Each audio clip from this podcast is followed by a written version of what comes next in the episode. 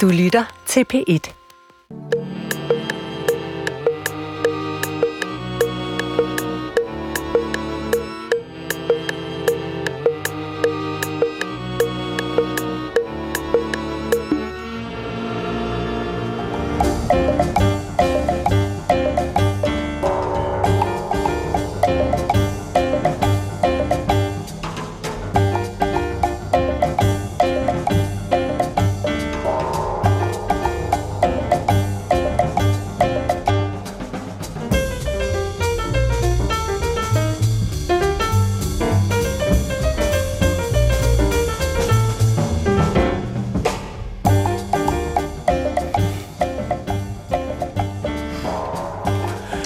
Goddag, mit navn er Peter Lund Madsen, og rigtig hjertelig velkommen til Hjernekassen på P1. Og vi lagde i dag ud med The Dave Brubeck Quartet, og nummeret var Tokyo Traffic, øh, og øh, jeg valgte det nummer, fordi jeg synes, det var godt at lægge ud her teknisk set efter ferien med en melodi med et vist pep, øh, og også fordi, at den her melodi, Tokyo Traffic, på en subtil vis lægger sig op af noget af det, vi skal tale om i dag. Og øh, jeg vil jo lægge ud med, og, og det er en personlig øh, holdning, jeg kan udtryk for nu, men med, med at lægge ud og sige, at jeg synes, det har været en fantastisk sommer. Øh, vejret har været godt, der har været lidt slinger i valsen her til sidst, men ud fra en ordnet betragtning indtil videre, synes jeg, vejret har vist sig fra den bedste danske sommerlige side. Og så har det jo været en sommer øh, med nationale triumfer. Øh, vi blev nummer 4 i TEM i fodbold. Fantastisk start. Så blev vi nummer to, og jeg siger vi, fordi jeg holdt jo med dem alle sammen, så jeg er en del af det, I andre også.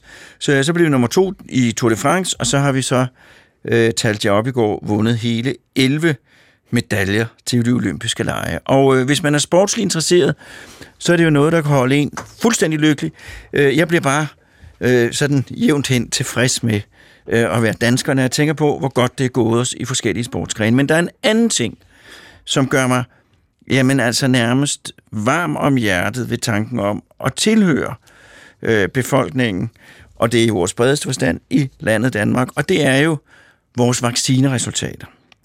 Øh, søndag, der var 72, nej, 73,2 procent af Danmarks befolkning vaccineret med mindst et stik, og 58,9 procent havde fået begge stik. Det er en af de højeste vaccineringsrater, øh, øh, der findes øh, i verden. Og det er noget, jeg er stolt af. Fordi der er rigtig, rigtig mange ting, der skal falde på plads, for at man opnår så hurtigt en så høj grad af vaccinationsdækning i en befolkning.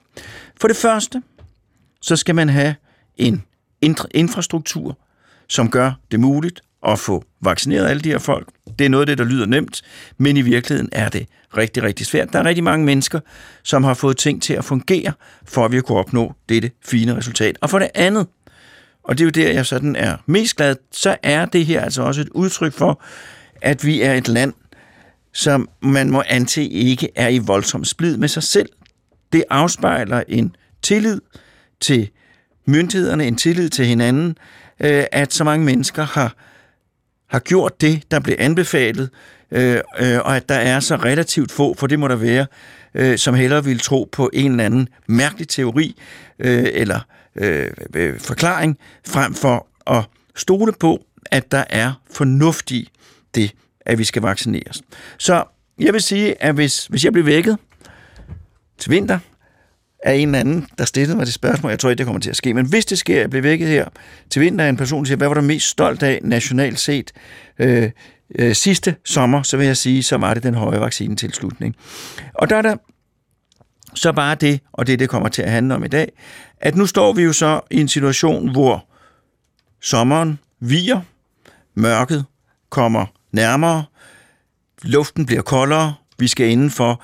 Vi kommer i en situation, hvor smitten vil få bedre vilkår. Vi er langt bedre dækket end sidste år. Til gengæld så har vi, og jeg ved ikke om I har hørt om den, fået denne Delta-variant, som jo er mange gange mere smitsom end den variant, vi stod over for både første og anden gang. Hvad vil der ske? Øh, og øh, der er det, at hygiejne jo er en vigtig faktor. Og hygiejne har vi jo beskæftiget os med mange gange her i programmet, og det gør vi, fordi det er så vigtigt. Jeg har to gæster med i dag. Jeg har øh, Jette Holt, som har gæsteprogrammet flere gange før, hygiejnesygeplejerske, kant, ped, ped, Ph.D., ansat på Statens Serum Institut. Jette vil jo være med til endnu en gang at fortælle os om, hvad vi gør bedst fremadrettet. Og så har jeg, for ligesom at få en, en anden vinkel på sagen, eller en yderligere, en supplerende vinkel på det sagen, så har jeg min anden gæst, Erland D. Jensen, datalog, arbejdet med IT-information. Erland D. Jensen er på nuværende tidspunkt pensionist, men du har arbejdet for Danida i Østen i mange forskellige lande, øh, og har der mødt hygiejne på andre måder. Så i dag skal det handle om hygiejne, og jeg glæder mig, og det allerførste, jeg gør for at få sat programmet i gang, det er at sige velkommen til lytterne, velkommen til Hjernekassen på P1. Du lytter til Hjernekassen på P1 med Peter Lund Madsen. Og i dag, der skal det handle om hygiejne. Og øh, min første gæst, Erland D. Jensen, velkommen til, og tak fordi du vil komme. Tak. Jeg vil spørge, om du ikke til en start ville lægge ud med at fortælle lidt om dig selv. Jo, jeg er jo pensionist, som du har sagt, og jeg Ja. har arbejdet og, og boet det meste af 20 år i Asien. Vietnam, Laos, Kambodja, arbejdet i Kina, Thailand osv. Og, og øh, i relation til det her, så er det mest interessante, det er måske, hvad jeg har set og oplevet. Jo, men jeg vil også gerne høre noget om, hvad, hvad, hvad du har lavet. Jeg har primært arbejdet med IT og informatik og lavet management-informationssystemer. Først i et fiskeriministerie i, i Hanoi, og så senere for en kommission, der hedder Mekong River Commission. Der var det både om vand og fisk og miljø og mennesker og alt muligt andet. Og kan du konkret sige, hvad, hvad, hvad du har arbejdet med, og hvad der er udmyndtet sig i? Jamen det er jo at lave informationssystemer, databaser kan du sige, hvor man kan, alle de data, der bliver samlet ind, bliver stuet sammen, og så kan man prøve at få et overblik over for eksempel med miljø øh, eller med øh, klimaforandringer. Hvad sker der egentlig med vandet i sådan en flod, som flere hundrede millioner mennesker er afhængige af? Hvad sker der med fiskeriet osv. osv.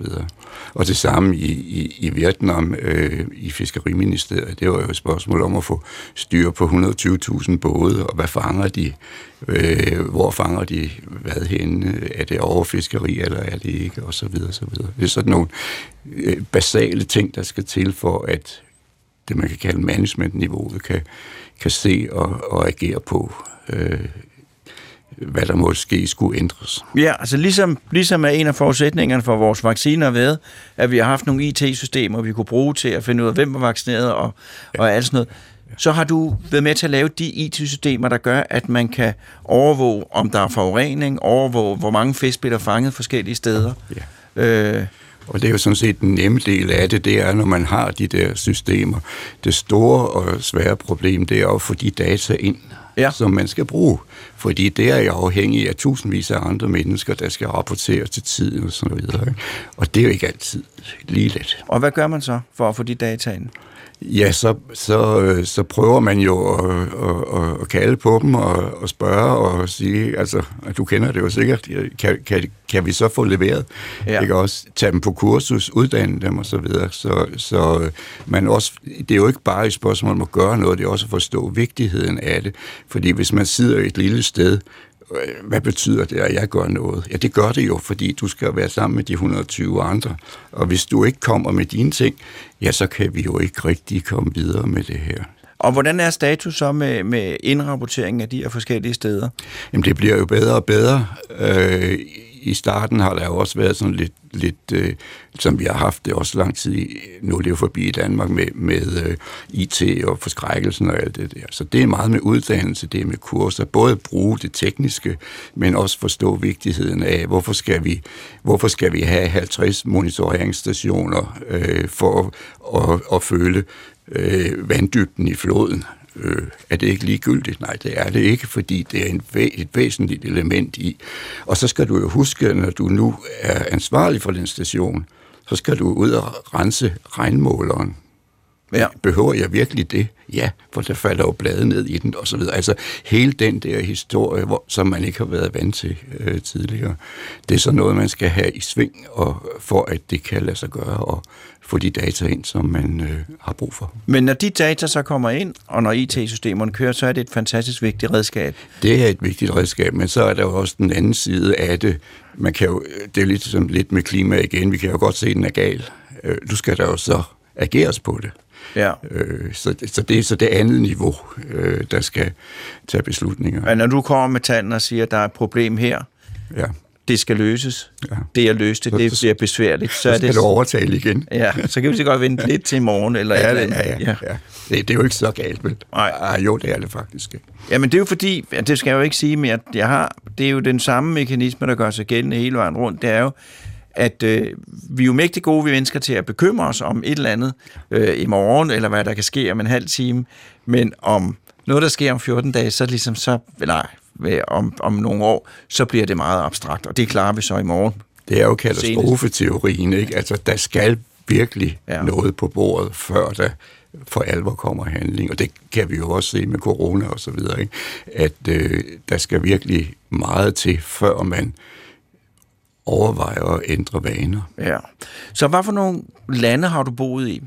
Jeg startede med at bo i, i, i Vietnam i Hanoi i otte år, og så tre år i, i Laos, og øh, så fem år i Kambodja i Phnom Penh. Og hvis du skulle beskrive, jeg har aldrig været i de lande, og hvis du skulle skrive, beskrive de, de, de lande over for mig ganske kort, hvordan vil du så beskrive dem?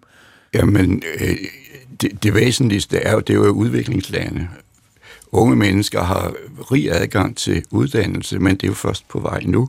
De er meget interesserede, de er meget mere interesserede. De knokler og knokler for at få en uddannelse. De taler engelsk nu, alle de unge, hvis du er under 30-35, så kan, de, så kan du snakke med dem. Tidligere kunne de kinesisk og russisk og sådan noget. Men øh, ellers er det jo meget, det vil sige, meget venlige folk. Meget, meget venlige folk. Altså, de, øh, de hjælper dig, de øh, vil meget gerne være med, øh, de vil meget gerne introducere dig til deres kultur, som jo er, øh, vi tænker, er det, er det virkelig sådan anderledes? Og så siger det, ja, ja, same, same, but different. Og hvad ligger der i det? Jamen, det, det første, den første gang, jeg hørte det, det var jo, øh, at vi spiser med kniv og gaffel og ske og sådan noget, de spiser med pinde. Øh, vi spiser begge to, og så siger de, yes, same, same, but different. Men så opdager man, at det er meget dybere. Det er sådan set, hver gang man kommer ind i et eller andet, så er det same, same, but different. Man gør tingene på en anden måde. Og mange af de, man kan kalde det vaner, som man har, gode vaner, de er, de er anderledes, og man, man gør det, fordi det har man, kan man sige, lært hjemmefra. Altså jeg kan huske, jeg jo så gammel, så jeg kan huske, hvordan var det at få introduceret sikkerhedsseler i Danmark? Ja. Uha, den forfærdelige sele der, ikke også? Den, der, der var ikke mere ondt skabt end den, vel?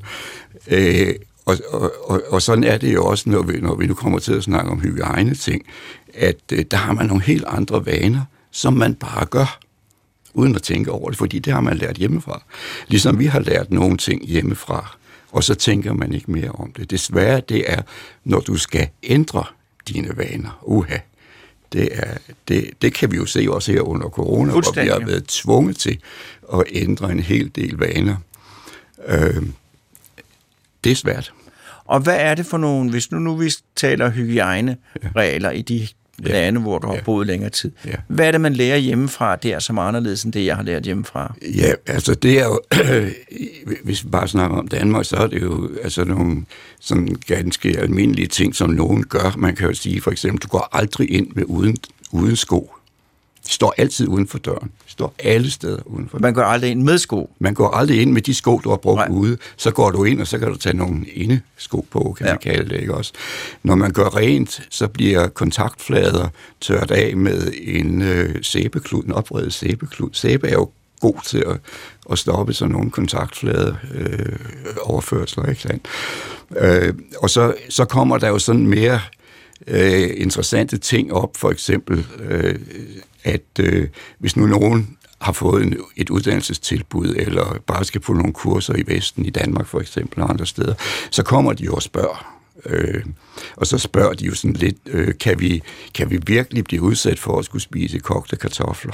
Og hvorfor skulle det være så? Jeg elsker kogte ja. kartofler. Ja, fordi same place but different, men vi spiser jo ris typisk, ikke? Ja. Og, dan- og kogte kartofler, det ikke. Men det, der ligger i det, det er jo, når man kommer forsigtigt, man er jo ikke så direkte, som vi er, vi, vi buller jo frem. Det gør man ikke. Så, kan, så ved jeg godt, nu kommer der et andet spørgsmål. Og så siger de, jamen, når vi nu skal have mad der, er det så en buffet? Så siger ja, øh, vasker folk så hænder, inden de går ind til sådan en buffet?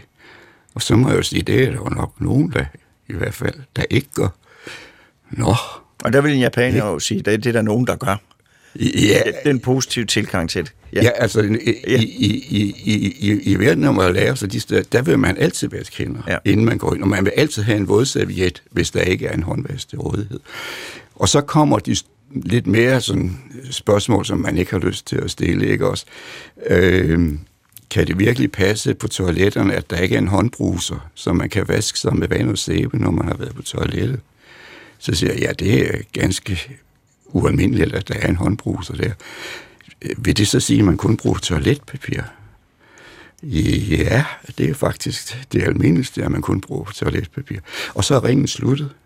Øh, de vaskede ikke rigtig hænder. Øh, de bruger kun toiletpapir. Og så, og så er det jo lige før, de siger, jeg skal faktisk ikke på kursus, eller jeg skal ikke afsted der. Altså, og man har alle de der vaner, som er indbyggede. Man bruger jo også ansigtsmaske. Ikke som vi har prøvet at gøre det her for at beskytte os selv, men hvis man føler sig dårligt, lidt forkølet, så tager man ansigtsmasken på for at beskytte de andre. Og det vil sige, når jeg ser en med en ansigtsmaske, hvis det ikke er noget med biler og forurening og sådan noget, jamen øh, så går man der bare to meter udenom. Hvis vi alle sammen har maske på, så kan man jo ikke se, hvem det er, der måske har en forkølelse eller noget andet. Så der er så mange af de her vaner, og det gør man bare. Det er ikke noget, man skal diskutere eller, eller, eller blive fortalt. Man gør det automatisk.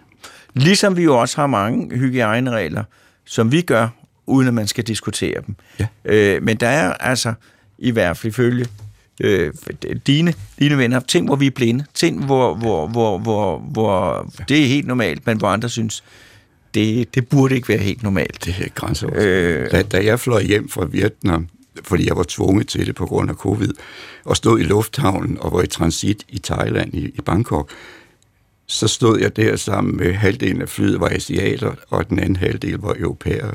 Alle asiater havde mundbind på, fordi nu vidste vi jo godt, der var covid. Alle europæere havde ikke mundbind på. Så øh, der, der er en meget stor forskel i, hvad man bare gør af sig selv. Ja.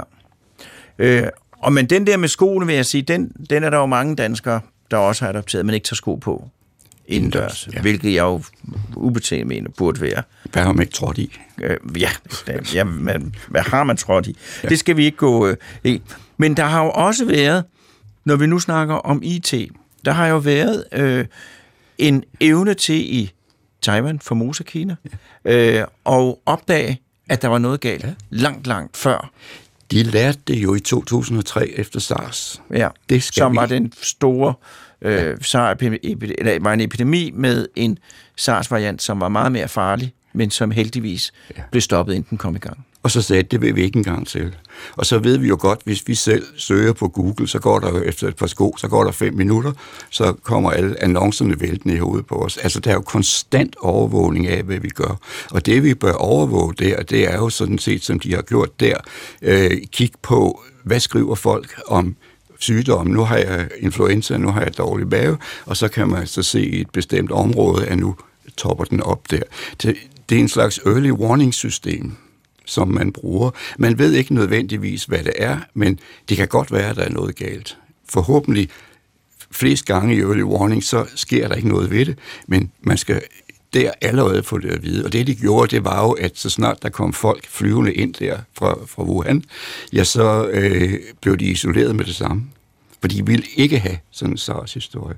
Og det har jo resulteret, resulteret i, at man på Taiwan har jeg kan ikke huske, hvor mange de er, 35 millioner mennesker eller sådan noget. Og øh, der har man haft under 1000 tilfælde, og kun omkring 10 døde, og man har ikke lukket ned. Og det er det, jeg kalder at have kontrol over epidemien. Hvis man er nødt til at lukke hele øh, historien ned og alt muligt andet, så er det fordi, man prøver at skabe kontrol, og det vil sige, man har faktisk ikke kontrol. Håber, vi får det igen nu. Det der så, altså det der er hemmeligheden, det er, at man har nogle systemer, ligesom at man sidder og overvåger for gode, billige skoletilbud, ja. så overvåger den for, for eksempel, jeg har kvalme, eller jeg har det ikke så godt i dag. Alle de der ting. Ja. Og når der så er højere end normal forekomst, så, så bliver den ind på det. Ja, så, så er det ligesom med, med, med meget andet, altså med, nu kan jeg jo ikke lide at sammenligne militær, men der har du jo early warning systemer, sige, der er et eller andet, der foregår, og så følger vi det nøje, ja. og så må vi tage de forholdsregler. Og det betyder jo også på den anden side, at du skal have et beredskab. Fordi det havde vi vel nok ikke helt, da det her startede. Øh, og det vil sige, at, at vi, skulle, vi skal være parat til, ligesom i, i, i brandvæsenet. Det kan godt være, at, at når klokken ringer, så er det en øvelse. Men det kan også godt være, at det er en rigtig ildbrand. Og så skal du altså være parat til at rykke ja. ud og få gjort det her. Og det vil sige, at på det nationale plan øh, bør man jo have øh, monitorering. Og nu er man jo endelig, gudskelov, begyndt på spildvands monitoreringen, som jo er meget, meget billigere end at teste flere hundrede tusind danskere. Og hvad består spildevandsforurening, eller spildevandsmonitorering af? Jamen, der tager man jo en spildevandsprøve, og så kigger man efter i det her tilfælde, om, om der er covid-virus i spildevandsprøven. Og øh, vi har jo det gode ved spildevand, at det forgrener sig jo ud til den enkelte husholdning. Så hvis man starter øh, ved de øh, samlende knudepunkter, rensningsanlæggene for eksempel, så er det meget nemt at komme længere ud i systemet. Aha, her ser vi noget i rensningsanlægget. Det er så et stort område, så går det ud i, i grenene, og så kan du finde øh, det område, hvor det kommer fra. Det vil sige, den historie fra var det IKAST, dem der kom hjem fra Iskel i, i, på, på skiferie, dem ville man formentlig, hvis man virkelig havde det her op at køre som et beredskab, så ville man formentlig meget hurtigt kunne se, det er ligneragtigt den by, eller det her boligområde, eller det her villakvarter, eller hvad for noget. Det er der, øh, smitten er. Og så kan man teste der, og så kan man prøve at i, ligesom i gamle dage, da, da vi havde mund- og klovsyge, så må vi sige, at I må altså lige blive inden dør nogle dage her. Men det er jo ikke hele landet, der skal lukkes ned.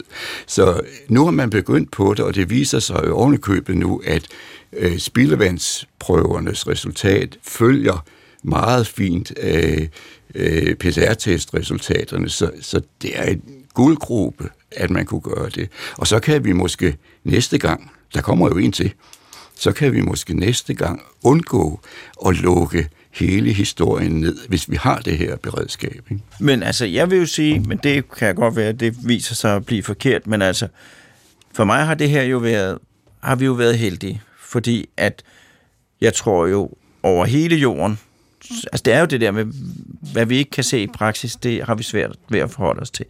Over hele jorden har det her jo været, eller for størstedelen af jorden, der har det her jo været et opvågnings opkald, at, at det her kunne komme så hurtigt, og det kunne have så store konsekvenser. Ja. Uden at det blev den store, forfærdelige epidemi, det også kunne have været. Det kunne have været meget, meget værre. Oh ja. Og der er så nogle muligheder, som det her med at monitorere internet, øh, kommunikationen, monitorere spildevand. Der er nogle muligheder. Der er også nogle nye former for vacciner, der gør, at vi fremadrettet vil være i stand til at reagere langt mere effektivt og hurtigt, end vi har kunnet før.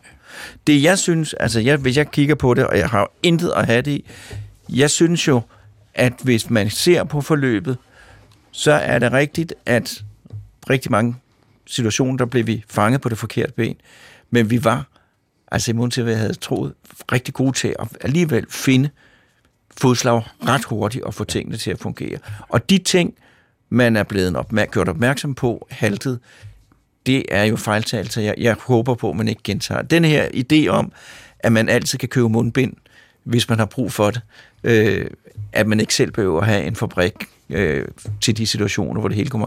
Jeg tror, jeg tror at, at den, den, den idé er død. Man har lært utrolig meget, og det er jo det, vi skal bruge fremover, fordi jeg tror jo ikke sådan umiddelbart på, at corona forsvinder. Det bliver måske ligesom influenza og så videre. Men vi er også, jeg er ret sikker på også, at Superbokken kommer jo igen, og næste gang kan den blive endnu værre. Så vi skal ikke næste gang lære de her ting igen. Øh, dem skal vi bruge aktivt øh, i monitorering, early warning systemer, og så for min skyld må man meget gerne øh, ændre hvad skal vi sige, vores personlige hygiejnestandard i, i, i Danmark, eller det, som jeg lige snakkede om. Og hvad er det, du vil sige, hvis nu det var dig, der skulle, skulle være hygiejnemester? Øh, hvad vil du så foreslå var noget af det, vi skulle fokusere på? Jamen, så skulle vi fokusere på de ting, jeg nævnte. Vi skal ikke gå ind med sko. Vi skal... Min gamle mor var rengøringskone. Hun vaskede håndtagene af. Hun vidste jo godt, det var den værste smittekontaktflade. Øh, det er det, man gør. Og så de andre ting, altså vi skal jo vaske hænder, inden vi går ind og spiser. Alle restauranter skal have en vådklud. Den mindste gaderestaurant i Østen, der kan du ikke sidde ned, før der ligger en, en, en klud på, på bordet af en eller anden art, med sprit eller med vand, eller frotéhåndklæde med varmt vand, et eller andet, hvor du kan vaske dine hænder. Altså, vi er nødt til at, at stoppe den der smittespredning. Det betyder jo ikke, at vores immunsystem ikke skal udsættes for noget, for det skal jo også lære at behandle, men det behøver vel ikke lige frem at øve sig på covid eller SARS eller på øh, nogle af de der slemme. Eller, det, der er værre. Eller det, der er værre, ja. Erlend D. Jensen, tusind tak, fordi du kom. Vi kommer måske tilbage til dig senere, ja. men nu skal vi have en jingle. Du lytter til Hjernekassen på P1 med Peter Lund Madsen. Og den næste gæst, det er Jette Holt, hygiejnesygeplejerske, kant Ped Ped, Ph.D., Statens Serum Institut. Og jeg ved, at der er en af de ting, Erland har sagt, som du er, som du er stor tilhænger af. Og det er det der med at vaske hænder, inden man skal spise. Er det ikke rigtigt? Ja, jeg, jeg, jeg, vil, altså, jeg vil give Erland ret i mange af de ting her. Ikke? Det er jo meget af det her vaner og ritualer sat i sving og så videre. Ikke? Altså, og så er der så nogle af dem, hvor man kan sige, det her det har en effekt, og det har her måske en mindre effekt, men også, at det her det er et kompleks af mange ting, der griber ind i hinanden. Så der er ikke sådan one silver bullet, der ligesom klarer det hele i den her del. Og jeg synes, når man sådan kigger på Asien lige nu, og hvor gode de er derude, så må man så bare konstatere også, at lige nu vælter Asien. Altså Japan er i sin femte smittebølge. Ikke? Thailand ligger ned. Indonesien ligger ned. Det eneste land, der sådan har været rigtig succesfuldt ude lige nu, det er faktisk Bhutan. Og det er fordi, de har været gode til at vaccinere hele deres befolkning. Ikke? Så man kan sige, alt andet lige, så kan hygiejnereglerne måske et eller andet sted forhale tingene. Men smitte er noget, der sker mellem mennesker. Og det vil sige, at mikroorganismer udvikles mellem os. Så lige så snart vi er sociale, lige så snart vi lever vores sociale liv, så vil der være den her udveksling. Og det, der virker bedst, når man kigger på nogle af alle de her tiltag, der har været, det er, at folk bliver fra hinanden, at de holder den afstand, der skal til, og så kommer alle de andre tiltag, de kommer langt nede i rækken. Men sådan nogle samfund kan vi jo ikke have. Og som Allan også siger, ikke, vi skal jo lære at leve med det her. Og det skal vi, for vi kan ikke udrydde mikroorganismerne. Og de har været her i mange, mange flere år, end vi har været. Og det er de, fordi de er super gode til at tilpasse sig omgivelserne, og vi er et eller andet sted dem, der skal lære at navigere i det kaos, som vi nu synes, de skaber for os. Så ja, vi skal lære at leve med det her, og når man så siger, at man bruger en maske, fordi at øh, jeg, er, jeg er lidt snottet, og derfor har jeg en maske på, så skal man være opmærksom på, at masken er ikke den her silver bullet, der klarer det. Masken har huller i siderne, ikke? og hvis man skal være rigtig god ved masken, så har den måske en maksimalt en 40% reduktion af det, du kommer af med. Men det er klart, den tager noget af det, der kommer fra dig. Så maskens primære rolle ude i et samfund, det er kildekontrol. Og det er, hvis du er sådan, som vi altid har sagt til patienterne også, hvis du er nødt til at gå ud, skal du gå til egen læge, skal du noget andet, hvor du skal noget, så kan du tage en, have en maske på. Men du skal ikke gå på arbejde, når du er syg. Og det er så den, man kan håbe, folk lærer det her. Det er jo det, rigtig mange arbejdspladser også kan drage fordel af, at noget arbejde kan foregå hjemmefra, men at man ikke går på arbejde, når man er småsyg. At man ikke sender sine børn i institution med 250 mg panodil bagi, fordi så tager det feberen, ikke? og så kan man blive kaldt hjem senere. Og det tror jeg måske også er forskellen på Danmark og på Asien. Det er, at vi har nogle systemer, hvor du kan have en sygedag. Du mister ikke din løn, selvom du melder dig syg. Du er ikke nødt til at gå på arbejde. Ikke? Og hvis man kigger på nogle af billederne fra Japan lige nu, så går alle jo med mundbind på. Så hvis man nu skulle være rigtig strid, så vil man sige, at det skulle nok ikke mundbind, der gør forskellen. Ikke? Fordi de bruger alle sammen mundbind, og de er inde i deres femte bølge. Så det er mere for at sige, at det her det er komplekst. Der er mange ting, der griber ind i hinanden, og der er mange ting, vi skal fremover i den her deling. Men hvis nu for eksempel så noget som rengøring af håndtag, ja. øh, og øh, det, at man ikke giver hånd, øh, har det ikke en effekt? Men altså, hele det her med håndhygiejne hænger jo sammen med miljøet. Fordi ja. du kan sige, at en ren overflade overbringer ikke noget til dine rene hænder. Men alle vi, der har børn, vi ved, at rent det er en absolut momentan tilstand. Det var kun indtil der er tre børn, der kommer væltende ind ad døren en gang til, efter du lige har gjort rent. Ikke? Så håndhygiejne og rene overflader hænger sammen. Du kan operere i en lærhytte, hvis du ved, hvor du har haft dine hænder sidst. Og du kan få infektioner på en laminær airflow-stue, altså en stue med alle alle de foranstaltninger, der overhovedet skal til, hvis ikke du ved, hvor det er, du sidst har haft dine hænder, og hvad det er, du skal. Ikke? Så du kan ikke rengøre dig ud af infektioner, lige så vel som du kan ikke have håndhygiejne dig ud af det, men de to ting spiller tæt sammen. Fordi hver gang du gør rent, så fjerner du noget af det reservoir, der er i miljøet. Men i et øjeblik, der er en, der har sat en snavsehund der, så er der urent igen. Ikke? Og så det her med at tage skoene af, Ja. Den er jeg altså meget tilhænger ja. af, det vil jeg lige sige. Det er det jo også. Altså, da jeg var barn, der havde man hjemmesko. Man satte sin sko ud i gangen, og så havde man hjemmesko på. Men vi har jo også nogle metoder at regulere det her på. Når du taler hygiejne, så er det her det er et spørgsmål om kategorisering og opdeling. Så du har noget, der er rent, og du har noget, der er urent. Og når man på sygehusene kigger efter, hvor der er rent, så er vi egentlig mindre interesseret i gulvene, fordi vi har nogle regler, der siger, at vi ikke sætter tingene på gulvet, de ting, vi taber på gulvet, dem kasserer vi. Patienterne lægger vi ikke på gulvet, dem lægger vi i sengene stadigvæk. Ikke? Så gulvet er defineret som det, der er urent. Så når man er mere opmærksom på det i Østen, så er det måske også, fordi man har flere møblementer, hvor man sidder direkte på gulvet, ikke? hvor man i Danmark og i Vesten jo sidder ved bordene og spiser. Ikke? Lige så vel som man spiser med kniv og gaffel og ikke spiser med fingrene. Så der er også noget i dine kulturelle vaner, som hænger sammen med det, der ellers er dit kulturelle liv. Hvordan du agerer, hvordan du indretter dig, hvordan du tilbereder mad, etc. Og så i hele den her hygiejnedel, så er vi jo sådan fuldstændig vant til, at der bare er vand til rådighed. Men det kan jo være rigtig svært at udføre korrekt hygiejne i lande, hvor du ikke engang har vand tilgængeligt. Der vil dit vand være mere vigtigt at bruge til at drikke og til at lave mad af, end til at spille på at vaske hænder eller noget andet. Men der har jo alligevel, synes jeg, nu må du rette mig, jo været en, en, en ret klar meddelelse øh, fra, fra, fra, fra naturen til os, hvad angår hygiejne. Herunder nedlukningen, der er influenza og mavetarminfektioner hos børn jo faldet meget, meget voldsomt. Og det er jo igen det her, jo færre mennesker du er sammen med, ja. jo færre kontakter har du. Jo færre kontakter har du med miljøet, hvor alle de andres mikroorganismer ja. også sidder i. For der er ingen tvivl om, når du sender dine børn i institution, så, så, hæve, så hæves deres risiko for en infektion med en gang 8. Sådan er det. Men vi har jo et samfund, hvor alle mænd går på arbejde, så børnene skal i institution. Men ud fra børnenes synspunkt, der er det her en sikker måde at blive syg på. Og jo mere du er indendørs, jo flere kontakter har du, ikke? jo mere du er udendørs, jo færre kontakter har du. Så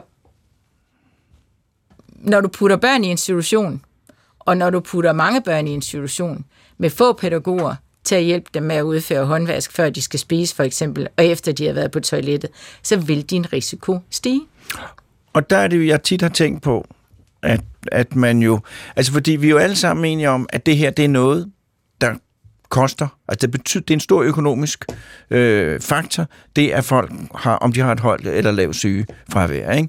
Og der kan jeg jo da godt se nogle gange, når jeg er på besøg i daginstitutioner, at der arbejdsgangsmæssigt og indretningsmæssigt vil være mulighed for at, at reducere risikoen for infektion. Den måde, man indretter toiletter på, de arbejdsgange, man har. Vil der ikke være en gevinst ved at, at, at fokusere på det?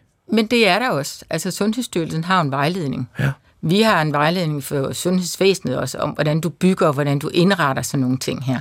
Og det er jo klart, børneinstitutioner har jo overtaget en del af både dannelse og uddannelsesopgaverne også, fordi at børnene tilbringer så lang tid der, så de også skal lære og, begære sig, og, og gebære det sig derude. Ikke? Så der er faktisk tænkt over, hvordan du indretter børneinstitutionerne. Men det er stadigvæk et spørgsmål om, og det er jo det, epidemien har vist os også her, ikke? at jo færre du er sammen med, og jo kortere tid, jo mindre er din risiko. Så jo flere børn, og jo længere tid du er i institution, jo større bliver din risiko. Og hvad så nu her? Fordi det var jo, altså det, det, det ved du, det er der også nogle lytter, der ved. Jeg er jo ikke, jeg er jo ikke, jeg er jo ikke et krammedyr. Øh, jeg, jeg, jeg går ikke rundt. Jeg, jeg, jeg, er så, jeg er så akavet over for det, at jeg aldrig bliver krammet, fordi folk kan se, at jeg kan ikke lide det, øh, når de rækker hænderne frem. Så up, nej. Øh, og, og jeg synes, det har været skønt her øh, under corona at slippe for det der.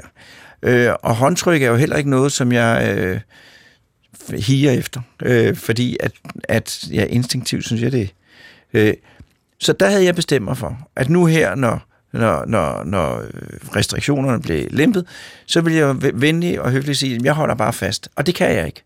Øh, der for nogen, så, så er det et princip, at de gerne vil give hånd. Øh, og så står man, så skal man enten være irriterende, eller så skal man give sig. Og så skal man næsten altid give sig. Øh, men ville det være en fordel for mig, det er der, jeg kommer frem til spørgsmålet, ville det være en fordel for mig, hvis jeg, hvis jeg undgik håndtryk og, og, og krammer eller, eller ville det forsvinde som, som en effekt ud af mange i en kompleks situation? Altså, jeg synes, hvad du gør ude i dit private liv, Peter, det skal du finde ud af, hvad det er, du gerne vil have det med, fordi for dig er der jo meget mere i det, end bare mikroorganismer. Fuldstændig. Der er jo noget med at få overtrådt sine grænser, sin intimitetssfære, et, ja. et cetera, ikke? Men Altså hvis man taler om det inden for det, der ligesom er mit felt inden for sundhedsvæsenet, så er jeg en klar fortaler for, at vi hilser patienterne velkomne med et håndtryk. Og når vi, gør, og når vi har gjort det, så gør vi bagefter det at vi udfører den hånddesinfektion, der skal til. Og så bruger vi den situation som en pædagogisk situation til også at fortælle patienterne, nu skal du se her, det er det, jeg gør nu, efter jeg har trykket dig i hånden. Nu viser jeg dig, hvordan du gør, så gør du det også. Det skal du være opmærksom på, mens du er indlagt, at det gør vi mange gange. Du skal også være opmærksom på din egen hygiejne, fordi det giver jo ingen mening at sige til patienten, jeg vil ikke trykke dig i hånden, samtidig med at jeg siger, at du skal have tillid til, hvad jeg gør ved dig. Det er i orden. Og lige bagefter, at jeg ikke har ville trykke dig i hånden, så beder jeg dig knap skjorten op, og så undersøger jeg dig, så mærker jeg dig, så rører jeg ved dig ikke? i et hele rører ved alt, ikke? og bagefter så opererer jeg dig, jeg lægger katetre i dig, etc. Så selvfølgelig skal vi give patienterne hånden, når de bliver indlagt, fordi det er der, du starter den der tillid mellem dig og mig. Jeg tager dig i hånden, jeg kigger dig i øjnene, ikke? og så udfører jeg håndhygiejnen bagefter, og jeg bruger det som en pædagogisk situation til at undervise dig i, hvordan det er, du gør det her korrekt. Men hvad du gør, når du møder folk, det synes jeg, du skal aftale med folk. Fordi du skal også være opmærksom på, at når du siger til folk, jeg vil ikke krammes, jeg vil ikke trykkes i hånd. Jeg vil ikke røres. Så siger jeg, vil ikke røres. Så siger du også til folk, jeg vil ikke røres af dig. Ja. Og det er jo det, der er med det her sociale mellem os. Ikke? Det er, at der er noget i vores rituelle hilsner, hvor du både viser respekt, men hvor du også viser tillid. Ikke? Og du kan hilse lige som du vil, som namaste og hånden på hjertet, etc. Du skal bare være opmærksom på, at det er en ny kultur, du indfører. Du vil komme til at se ud som en, der stikker ud. Og hele epidemien her, hele brugen af masker og alle de regler, vi har haft, har jo været regler, som vi har sat i værk for at få folk til at agere ens. Ikke? Der har været en vældig konformitet i det her, en vældig øh, også vi tager alle sammen en forholdet. Nu gør vi det alle sammen fælles. Ikke? Så der har jo været en international musketeriet om, at vi lukker ned, vi bruger masker, vi opfører os korrekt. Og den der del af det, som Allan også snakker om, ikke? det gør man, når der er en krise, og når der er en situation. Men altså bare på vej her ind i toget vil jeg sige, at maskebrugen er blevet vældig nedsat, vældig anderledes, og at brugen af hånddesinfektionsmidler er også vældig anderledes, når jeg sidder og laver mit eget lille observationsstudie hernede i sofaen i DR-byen og ser folk, der kommer ind. Så der er nogle ting, der bliver lettet igen. Ikke? Og så er du tilbage en gang til til det, som vi også har snakket om før. Så må man holde sig til de overordnede gode regler. Nemlig, at man udfører sin håndhygiejne, man vasker sine hænder, når man kommer hjem. For så tager man ikke noget med ind at man udfører sin håndhygiejne, når man har været på toilettet. For så tager man ikke det, som Erland ellers finder i spildevandet, med sig ud i køkkenet og i stuen. At man vasker sine hænder, før man spiser og før man laver mad, for det er stadigvæk der, den største risiko for smitte er. Og at man i det hele taget tænker over, at det her med, at mine mikroorganismer, det er mine. Jeg kan ikke undgå at blande med andre, men helst ikke i så store mængder, så folk de bliver syge af dem. Så det primære det er stadigvæk, at du bliver hjemme, når du er syg, og du ikke er en held, der går på arbejde. Men altså, vil jeg kunne sige, når jeg nu står der og ser, øh, vil jeg kunne sige, vil det være, vil det være hvis jeg nu holdt op med at give folk hånden, vil det så, være, vil det så nedsætte min risiko for infektion?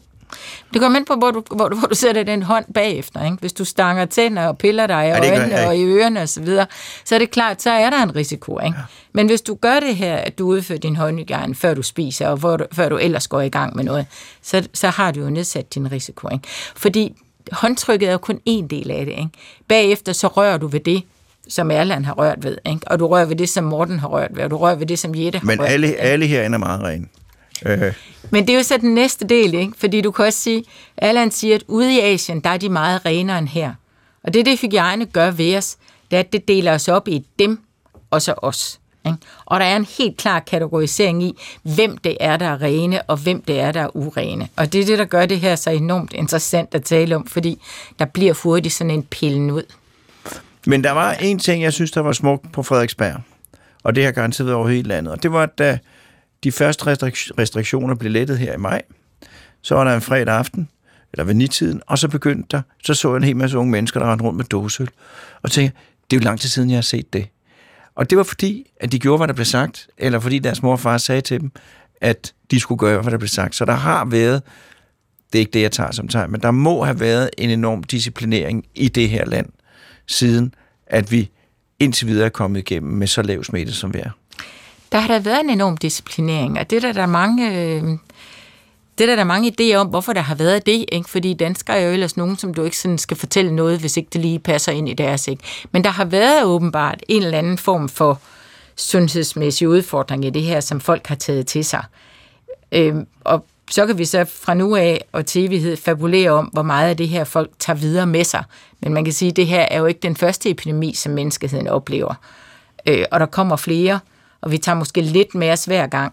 Men om vi er blevet vældig meget klogere siden de første epidemier, Men der er det jo, at Erland har fortalt om, øh, om øh, overvågningsmuligheder og alle mulige ting, og jeg har jo også kunne se ting, der gør, at, øh, at jeg er sikker på, at vi står mere klar og bedre rustet næste gang, der kommer noget. Erland, er der et eller andet kort, meget kort, du vil sige, inden? Sige jo, at, at øh, bølgerne i Asien går jo meget ud på, at de lande simpelthen ikke har kunne få vacciner nok. Altså, vi er nødt til at have vacciner for at slå den her ned. Ikke? Ja. Og, øh, øh, og jeg, jeg vil jo stadigvæk synes, at øh, øh, vi kan lære mange ting af, hvad, hvad de gør.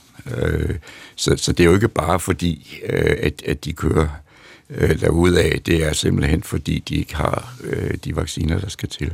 Og det må vi håbe, de kommer snart. Nu er det den tid, hvor jeg vil sige tak til jer begge to, fordi I kom. Øh, nu, skal vi, nu skal vi langt væk. Et sted, hvor der ikke findes nogen. Det ved vi jo ikke. Det er det, vi skal finde ud af. Øh, men hvor der indtil videre ikke er kendt øh, øh, forfindelse af mikroorganismer. Nu skal vi en tur til Mars. This is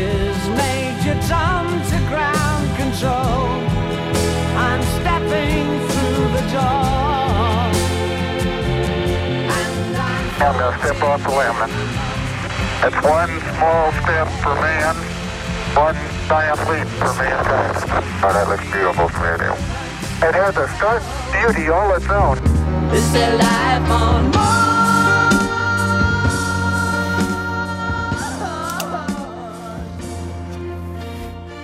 Og så er det, vi skal til den store tekniske test. Er det Kjartan Mønster Kink, lektor astrofysik og planetforskning på H.C. Ørsteds Instituttet, som er i den anden ende af telefonledningen? Det er Kjartan King, lektor i astrofysik og planetforskning på Niels Bohr Instituttet, men øh, det var tæt på. Det er mine skriftlige kilder, som ikke er korrekte. Det tager vi internt i organisationen ved en senere lejlighed. Øh, Niels Bohr Instituttet selvfølgelig. Godt. Tak fordi, tak fordi du alligevel vil være her. Øh, og øh, vi har jo to ting, vi skal tale om i dag. Nogle boringer og nogle billeder, ja. helikopteren har taget. Og du må selv bestemme, hvad du starter med. Jamen, jeg vil gerne starte med boringer. Um, så i fredags borede vi jo vores første prøve af Mars. Um, og hvis man lige tager et skridt tilbage, så er det jo den helt store, forkromede, overordnede strategiske mål med den her mission, er, at vi skal samle en lille pakke på lidt over 30 biologiske prøver af cirka 30 gram mere, som en opfølgende mission skal tage med hjem til jorden. Og der er en hel masse ting, som man kan lære af sådan nogle prøver i laboratorier på jorden, som man ikke kan med den pakke af instrumenter, vi har på robotten på Mars. Og det er sådan noget som at datere ting præcis. Det er sådan noget som at gå ind og kigge i individuelle sandskorn i en sandsten og finde ud af, hvordan de, hvor de forskellige korn kommer fra. Hvis man skulle være så heldig at finde spor af fortidigt liv, så er det jo også noget med at komme meget langt ned i, i skala. Øh, altså det vil sige meget, meget høj opløsning, mikroskopi og sådan nogle ting. Så der er en hel masse ting, man kan med de her prøver, og derfor drømmer vi om at få dem med få dem hjem til jorden, og derfor så har man drømt om det i 40 år, så det er jo sådan det helt overordnede mål, som styrer rigtig meget den strategiske planlægning. I modsætning til tidligere missioner, så er hovedmålet, når man er et bestemt sted, er ikke at lære mest muligt. Hovedmålet er i virkeligheden at vælge de rigtige prøver og dokumentere dem bedst muligt, og så tage dem. Første gang borede vi i en sten for at tage en prøve i fredags. Hele sekvensen eksekveret, som den skulle. Men som et led i den sekvens, så inden man forsejler den lille øh, borekerne, det er sådan en lille cylinder, øh, så bliver der taget et billede ind, øh, ind i den. Og det billede, det viste, at der ikke var noget materiale nede i øh, cylinderen, som nu er blevet forsejlet. Men det er jo en detalje. Øhm, det er jo ikke rigtig en detalje. Det er selvfølgelig var, var, var selvfølgelig formålet, at man skulle have materiale i den her. Så det er jo sådan et, øh, det er jo sådan nogle ting, der sker, når man øh, fungerer på Mars, at, øh, at man oplever øh, uventede ting. Selvfølgelig har det hold, som har designet det, har boret i alle mulige forskellige sten i et laboratorium med, med, med tilsvarende instrumenter, og de har ikke oplevet det her før. Øh, så nu er vi jo i gang med at forsøge at finde ud af præcis, hvad der skete. Øhm, og jeg er sikker på, at, at man kan finde ud af det, og man kan finde en løsning. Øhm, det kan være simpelthen noget med, at, at den her stens egenskaber har været helt anderledes, end man havde ventet. Man har alle mulige knapper, man kan skrue på, hvor meget pres skal der være på, hvor hurtigt skal den bore, hvor meget skal den hamre, mens den borer og sådan noget. Øh, så det hele simpelthen er, er smuldret, eller der kan være gået et eller andet galt. Øh, og, og så vi er sådan lige øh, et skridt tilbage for at finde ud af, hvad der er gået galt her, og, og få det her løst. For det er klart, at det er noget, som... Øh, som gerne skal løses, for at missionen den kan gennemføres øh, som, som planlagt. Men jeg skal lige opsummere, det der er, fordi det er jo imponerende, det der er den overordnede plan, det er, der er sendt denne her øh, satellit op øh, til Mars, den er gået i land, vi har en helikopter, vi har noget, der kan samle boreprøver op, og den, den, ja, den første mission er simpelthen at finde de bedste steder, finde prøver derfra, lægge mit sted, og så sender man et rumskib op og henter det senere hen. Ja, og det rumskib vil så have en, en, øh, formentlig en lille rover, der kan samle den pakke af prøver op, og så en lille raket, der kan sende den op i kredsløb på Mars, hvor den så skal samles op af en, af en satellit, der kan bringe den hjem til jorden. Så det er korrekt. Og hvornår, hvornår kan vi forvente, at, at alle de prøver kommer hjem? Altså, vi håber på at have dem på jorden øh, sådan omkring 2030. Så øh, det, der, der, det er meget øh, kraftig arbejde hen imod at få øh, designet den her mission, men der går selvfølgelig nogle, vi skal jo først, vi skal også lige have tid til at samle prøverne selvfølgelig, ikke? men vi skal gerne have pakken samlet i løbet af 4-5 år, fordi på det tidspunkt, så, øh, så forventer vi jo så, at den opfølgende mission er, er ved at være på vej. Altså der vil jeg sige til jer, at øh, når I står med den pakke i hånden, nede på det sporinstitut, eller hvor det er, så vil jeg sige, det er saftsus mig godt gået. Det er en meget ambitiøs plan. Jeg synes, det er fuldstændig det... grænseoverskridende, at man er i stand til at tage så langt væk, samle noget sammen på en kvalificeret måde og hente det hjem igen. Det er, altså, jeg er meget optimistisk, at det kan lade sig gøre, men der er ingen tvivl om, at det selvfølgelig også er en teknisk udfordring. Øhm, og, og det er jo så også øh, lidt af pointen, fordi et eller andet sted, selvom det kun er 5 kilo, så er det jo også en eller anden form for forøvelse til eventuelt en gang at, og, øh, sende nogle mennesker til Mars, og så samle dem op igen og flyve dem hjem igen, selvfølgelig. Men så er der helikopteren. Ja, så øh, øh, roveren den kører jo nede på, på gulvet af krateret. Vi er ja. ikke hen med deltaget endnu. Og der er ligesom to forskellige geologiske enheder her med en meget klar grænse imellem, vi kører sådan set langs med den grænse. Den ene af de to er lidt svær at køre ind i, fordi den har rigtig meget sand over sig. Øhm, og helikopteren, den øh, er jo nu øh, har demonstreret, at den fungerer, og så er den sådan egentlig blevet lidt frisat til at, at lave nogle flyvninger, der går lidt længere væk fra roverne og lidt mere på, på egen hånd. Øh, og, og, med nogle, og de forsøger selvfølgelig at gøre sig så nyttige som muligt, så de sidste par flyvninger, som er sket her hen over sommeren, har været ret lange, og så nogle, hvor den landede et andet sted, end den lettede, og altså simpelthen er krydset hen over noget af det her sandområde, som roveren skal køre udenom, og har, og har egentlig begyndt at fungere som den her spider, som den jo sådan set er, er designet til. Som når vi sidder og kigger på satellitbillederne og siger, at det her sted ser spændende ud, her vil vi egentlig gerne have roveren hen, jamen så kan man sende helikopteren i forvejen og tage nogle billeder i forholdsvis høj opløsning, og, og, og måske finde ud af, at så spændende så det ikke ud, eller, eller få, få et eller andet og mere at vide om, øh, præcis hvor i det her område er der mest spændende, og sådan at man kan styre roveren øh, lidt bedre. Øh, så den er faktisk begyndt at, at, at give rigtig meget input til den videnskabelige proces. Og det næste skridt er selvfølgelig så, at de her billeder, som øh, helikopteren tager, de også kan begynde at blive decideret integreret i, i det mere ingeniørmæssige, altså sådan at, at, at 3D-modeller af landskabet, som helikopter, baseret på helikopterens billeder, kan bruges til at kommandere roveren, når den kommer derhen og skal køre. Sådan at den måske kan køre lidt hurtigere, fordi den ellers tit er begrænset af, hvor gode de her landskabsmodeller, man, man har, de er. Og der er grænser for, hvor gode de kan være, fordi de kan ikke være bedre end, end ligesom den opløsning, man nu har med roverens kameraer, som har taget billederne. Og er, er der nogle af de her oversigtsbilleder fra helikopteren, som er kommet ned på jorden? Ja, ja. Altså, så de bliver sendt til roveren, og så bliver de så fra roveren sendt ned til jorden sammen med alt, alt det andet data, som roveren sender ned. Så øh, der er, er, altså, har vi løbende hen over sommeren fået billeder fra de her forskellige flyvninger. Der går jo typisk lidt tid fra helikopteren har gennemført sin flyvning til alt billedmateriale, der er nede, men, men, men ja, øh, og vi har siddet og, og, og stiget på dem og, og, og funderet over, jamen, hvad, hvad, hvad kan vi så lære om, om, om øh, de her områder. Og, og, og altså en af de sådan lidt forløbige konklusioner er, at så vi har de her to forskellige geologiske enheder, vi har ligesom kun kørt på den ene af dem.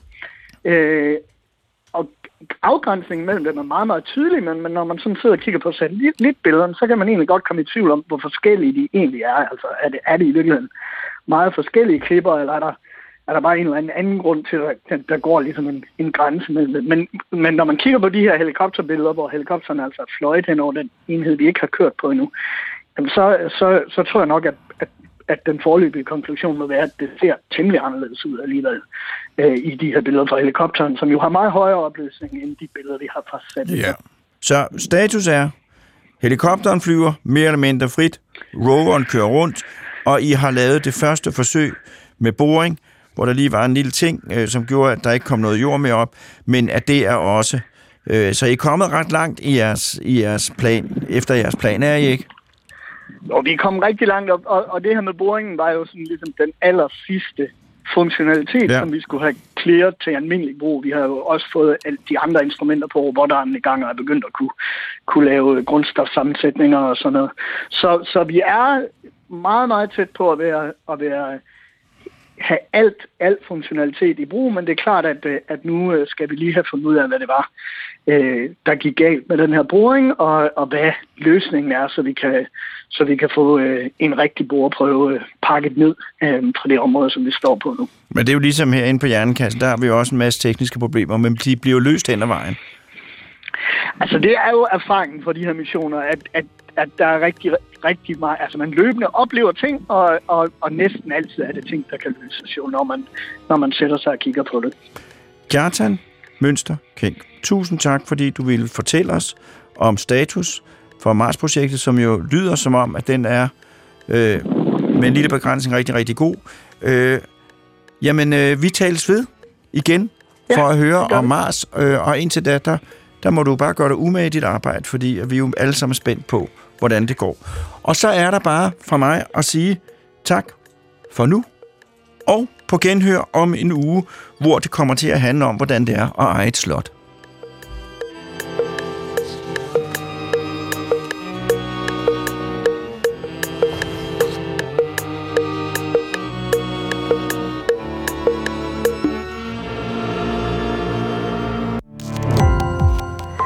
På opdagelse i alle DR's podcast og radioprogrammer. I appen DR Lyd.